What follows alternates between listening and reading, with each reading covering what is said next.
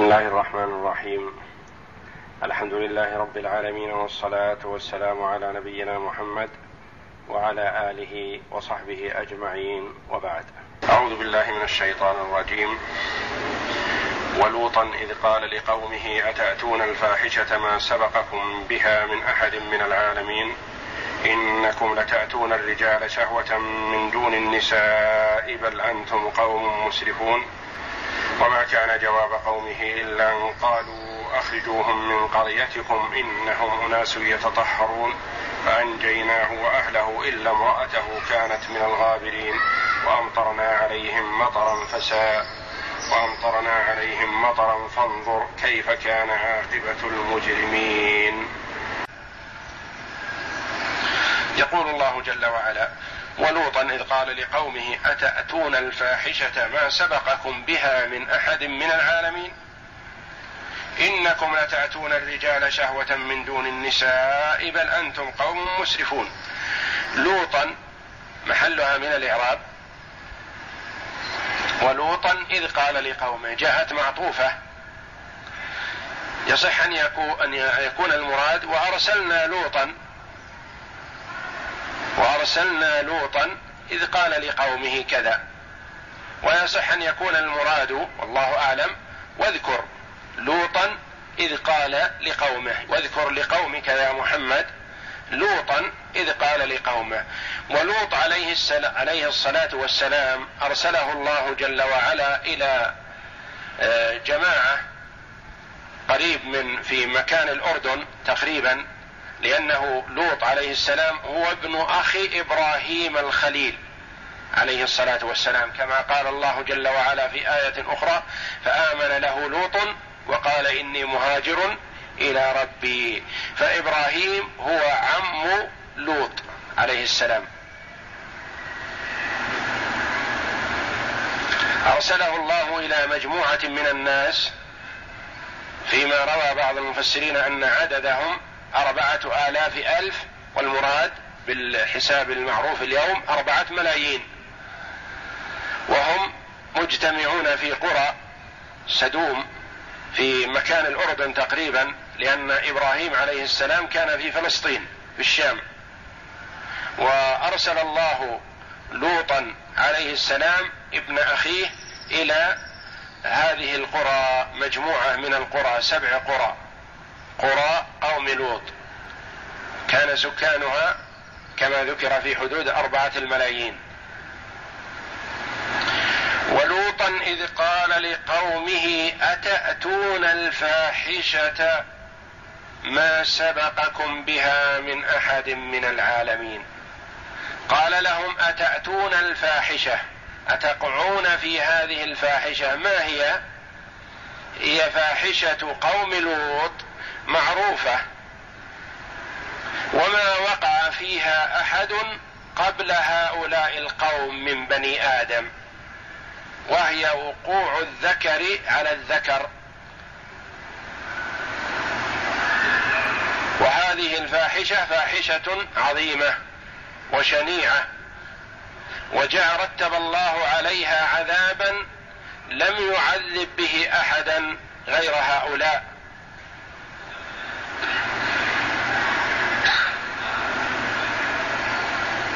وقد اتفق العلماء رحمهم الله على قتل من فعل هذه الفاحشة فاعلا كان أو مفعولا به. لكنهم اختلفوا في كيفية قتله فمنهم من قال يحرق بالنار. وقد حرق اللوطية بالنار أربعة من الخلفاء. حرقوا اللوطية بالنار. منهم أبو بكر وعلي رضي الله عنهم. وعبد الله بن الزبير وهشام بن عبد الملك. أربعة من الخلفاء حرقوا اللوطية بالنار. وقال جماعة من العلماء يحملون إلى أعلى مكان في البلد ثم يرمون ثم يتبعون بالحجارة كما فعل الله جل وعلا بقوم لوط بأن أرسل إليهم جبريل فقلع سبع القرى في طرف جناحه عليه السلام ورفعها إلى السماء حتى سمعت الملائكة في السماء إيه، صياح ديكتهم ونباح كلابهم ثم رماها وأتبعهم الله جل وعلا بالحجارة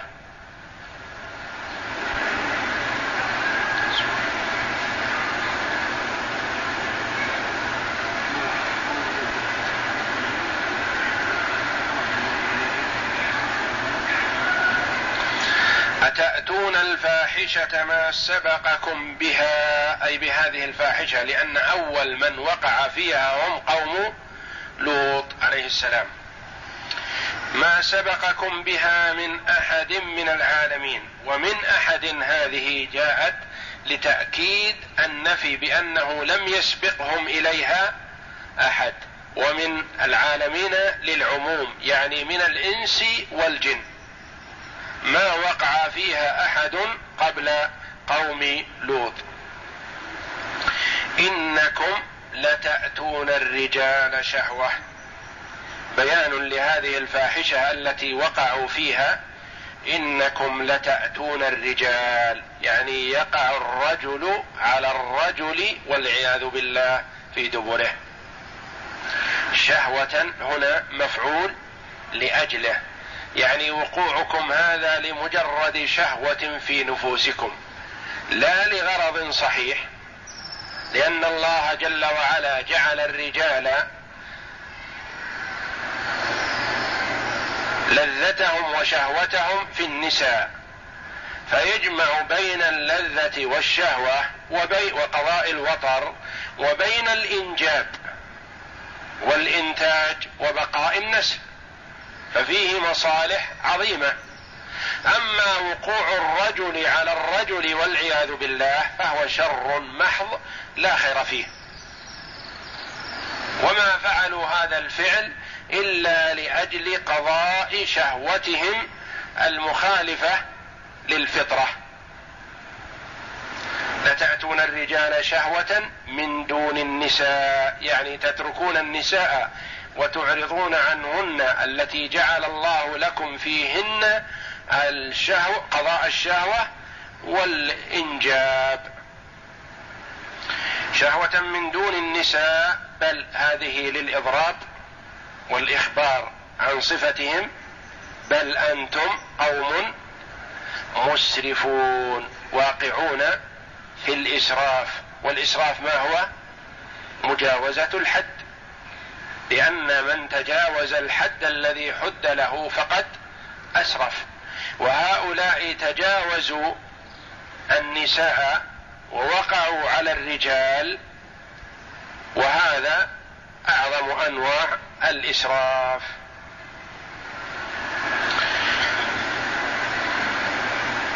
بل أنتم قوم مسرفون. بل هذه يسميها العلماء للإضراب من الإخبار إلى المخاطبة. أنه في الأسلوب الأول قال إنكم لتأتون الرجال. هذا على سبيل الإخبار. ثم قال بل أنتم بل هذه بل للإضراب. وثم خاطبهم مخاطبة فقال أنتم قوم مسرفون.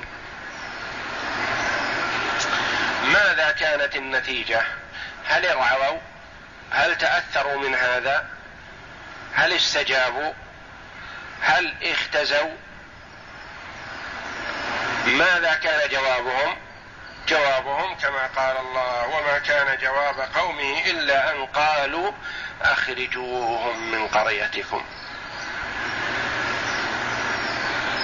فالمرء العاقل إذا قيل له كلام جاوب على قدر الكلام الذي سئل عنه. وكل ما فيه. يقول كذا أنا كذا. يجاوب على قدر ما قيل له. بالاعتذار أو بالاستجابة أو بالرد بشيء من المعاندة.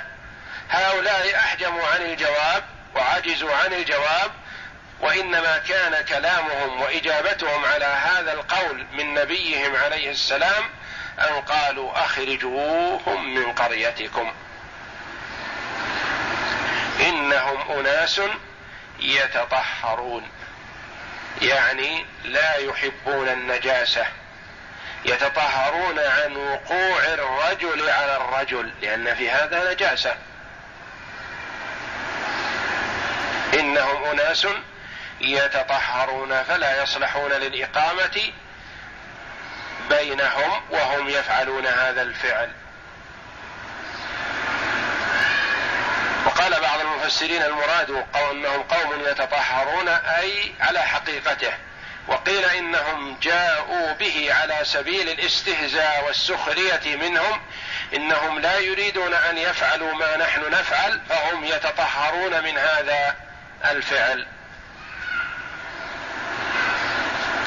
يقول الله جل وعلا فأنجيناه وأهله لأنه عليه الصلاة والسلام كما رؤي ما آمن مع به إلا أهله وليس كلهم بل أهله إلا زوجته لم تؤمن به. فأنجيناه وأهله إلا امرأته إلا أداة استثناء وامرأته مستثنى من أهله لأن المرأة من الأهل. كانت من الغابرين من الواقعين في العذاب المقيمين المقيمين فيه لم تنجو.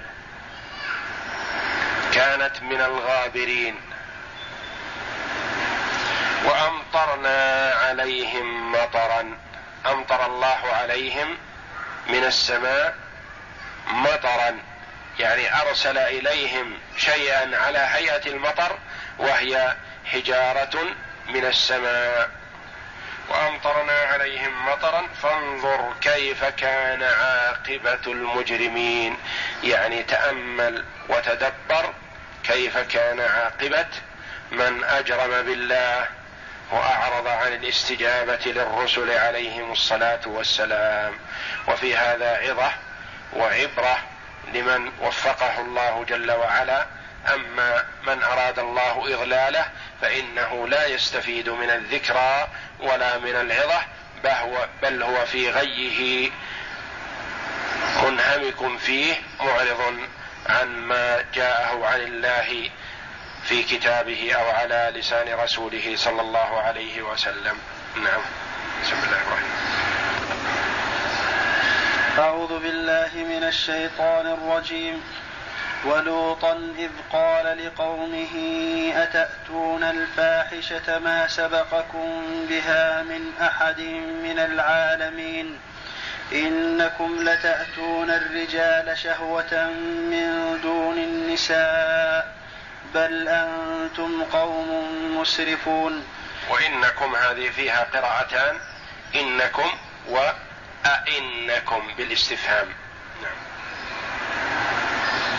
ويقال أن أول من وقع وأول من وقع في اللوطية هم قوم لوط. وما سبب ذلك؟ قيل إن الشيطان جاءهم في صورة شاب امرد حسن الوجه وأخذ يدعو لنفسه من يفعل به. فوقعوا فيه ثم ذهب وتركهم فبدأوا يقع بعضهم على بعض والعياذ بالله. وحينما اكتفى الرجال بعضهم ببعض والعياذ بالله كذلك فعلت النساء. اكتفت النساء بعضها ببعض بالمساحقة. بأن كانت النساء تقع على النساء والرجال يقعون على الرجال والعياذ بالله. عكسوا ما شرعه الله جل وعلا لهم. نعم. قال قال العماد بن كثير رحمه الله يقول تعالى ولقد أرسلنا لوطا أو تقديره واذكر لوطا إذ قال يعني الناصب هذا للوط بينه رحمه الله نعم. أو تقديره واذكر لوطا إذ قال لقومه ولوط هو ابن هاران ابن آزر وهو ابن أخي إبراهيم الخليل عليهما السلام وكان قد آمن مع إبراهيم عليه السلام وهاجر معه إلى أرض الشام فبعثه الله إلى أهل سدوم. سدوم. إلى أهل سدوم وما حولها من القرى. وما وما مكانها الآن حاليا تقريبا في الأردن. نعم. قريب من فلسطين وإبراهيم في فلسطين في الشام عليه السلام. نعم. يدعوهم إلى الله عز وجل ويأمرهم بالمعروف وينهاهم عن عما كانوا يرتكبون من المآثم والمحارم والفواحش التي اخترعوها لم يسبق لم يسبقهم بها أحد من بني آدم ولا غيرهم وهو يعني حتى ولا الحيوانات ولا البهائم ولا الجن. أول من وقع في هذه الجريمة هم قوم لوط. نعم. وهو إتيان الذكور دون الإناث. وهذا شيء لم يكن بنو آدم تعهده ولا تألفه ولا يخطر ببالهم حتى صنع ذلك أهل سدوم عليهم لعائن الله. قال عمرو بن قال عمرو بن دينار في قوله ما سبقكم بها من أحد من العالمين قال ما نزل ذكر ما نزل. نعم. ما نزى ذكر على ذكر حتى كان قوم لوط وقال الوليد بن عبد الملك الخليفة الأموي باني جامع دمشق لولا أن الله عز وجل قص علينا خبر قوم لوط ما ظننت أن ذكرا يعلو ذكرا. ولهذا قال لهم لوط عليه السلام أتأتون الفاحشة ما سبقكم بها من أحد من العالمين؟ إنكم لتأتون الرجال شهوة من دون النساء. أي عدلتم عن النساء وما خلق لكم ربكم منهن إلى الرجال وهذا إسراف منكم وجهل لأنه, لأنه وضع الشيء في غير محله ولهذا قال لهم في الآية الأخرى هؤلاء بناتي إن كنتم فاعلين. فأرشدهم إلى نسائهم فاعتذروا إليه بأنهم لا يشتهونهن. قالوا لقد علمت ما لنا في بناتك من حق وإنك لتعلم ما نريد. أي لقد لقد علمت أنه لا إرب لنا لا أرب, لا أرب لنا في لا غرض يعني ولا رغبة. أن أي لقد علمت أنه لا أرب لنا في النساء ولا إرادة ولا إرادة وإنك لتعلم مرادنا من أضيافك. وذكر المفسرون أن الرجال كانوا قد استغنى بعضهم ببعض وكذلك نساؤهم كن قد استغنين بعضهن ببعض أيضا. وما كان جواب قومه إلا أن قالوا أخرجوهم من قريتكم إنهم أناس يتطهرون. أي ما أجابوا لوطا إلا أن هموا بإخراجه ونفيه ومن معه من بين أظهرهم. فأخرجه الله تعالى سالما وأهلكهم في أرضهم صاغرين مهانين. وقوله تعالى إنهم إنهم أناس يتطهرون. قال قتادة عابوهم بغير عيب. وقال مجاهد إنهم أناس يتطهرون من أدبار الرجال وأدبار النساء. وروي مثله عن ابن عباس أيضا. فأنجيناه وأهله إلا امرأته كانت من الغابرين. وأمطرنا عليهم مطرا فانظر كيف كان عاقبة المجرمين. يقول تعالى فأنجينا لوطا وأهله ولم يؤمن به ولم يؤمن به أحد منهم سوى أهل بيته. سو فلوط عليه السلام ما آمن به من أهل هذه القرى السبع الذين هم عددهم في حدود أربعة ملايين ما آمن بها به سوى بعض أهله ليس كلهم لأن المرأة لم تؤمن. وبين الله ذلك في كتابه. وضرب الله مثلا ضرب الله مثلا الذين كفروا امرأة نوح وامرأة لوط. كانتا تحت عبدين من عبادنا صالحين فخانتاهما. أي بعدم الإيمان بالغش والخيانة بعدم الإيمان ولم تكن خيانتهما في فرشهما لأن الله جل وعلا طهر فرش أنبيائه من الخيانة. نعم. سوى أهل بيته فقط كما قال تعالى فأخرجنا من كان فيها من المؤمنين فما وجدنا فيها غير بيت من المسلمين. إلا امرأته فإنها لم تؤمن به بل كانت على دين قومها تمالئهم عليه وتعلمهم بمن يقدر. تخرج الدخان من دارها ليعلم أهل قريتها فيأتون إلى لوط ليفعلوا الفاحشة بضيوفه عليه الصلاة والسلام. نعم.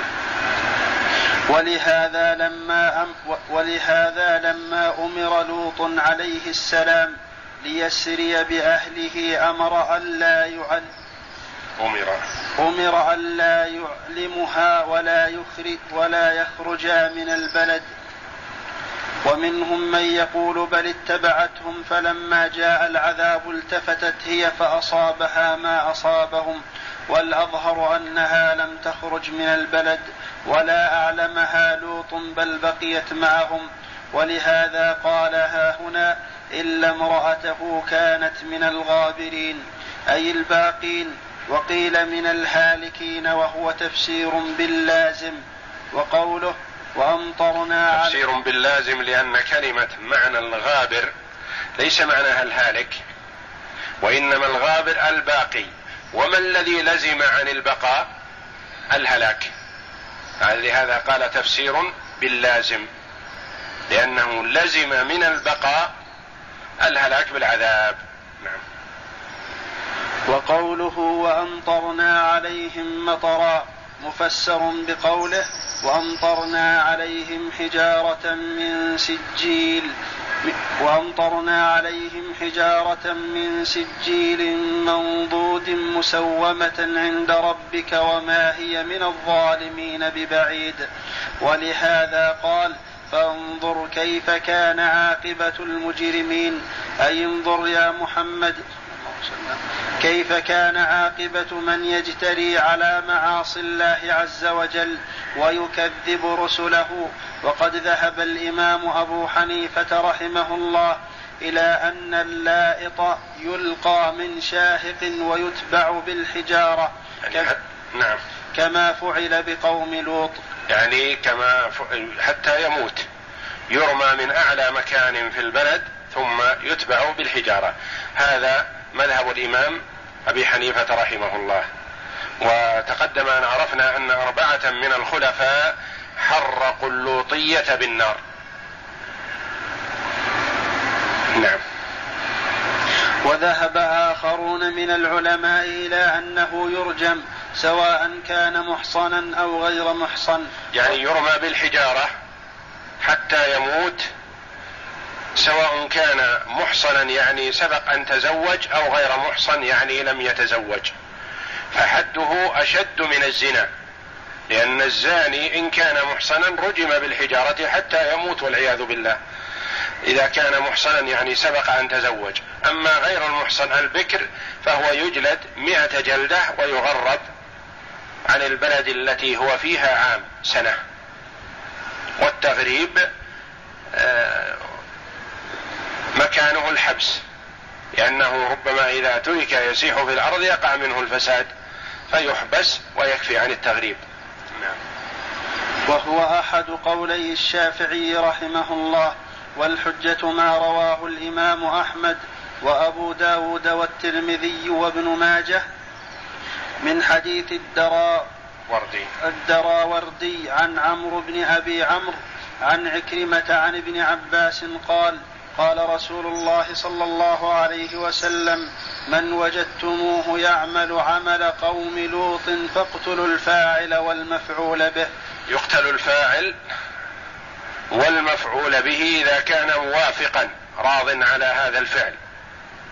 أما إذا كان مكره فهذا معذور في ذلك. إذا كان مغتصبا مجبرا على هذا الفعل فلا يقتل.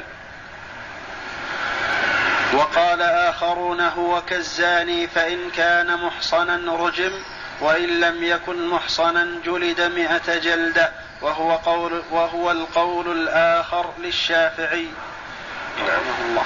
وأما إتيان النساء في الأدبار فهو اللوطية الصغرى.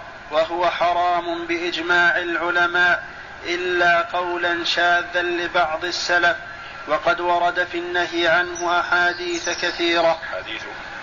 عنه, عنه أحاديث كثيرة عن رسول الله صلى الله عليه وسلم وقد تقدم الكلام عليها في سورة البقرة. في قوله جل وعلا نساؤكم حرث لكم فأتوا حرثكم عما شئتم وقدموا لأنفسكم واتقوا الله.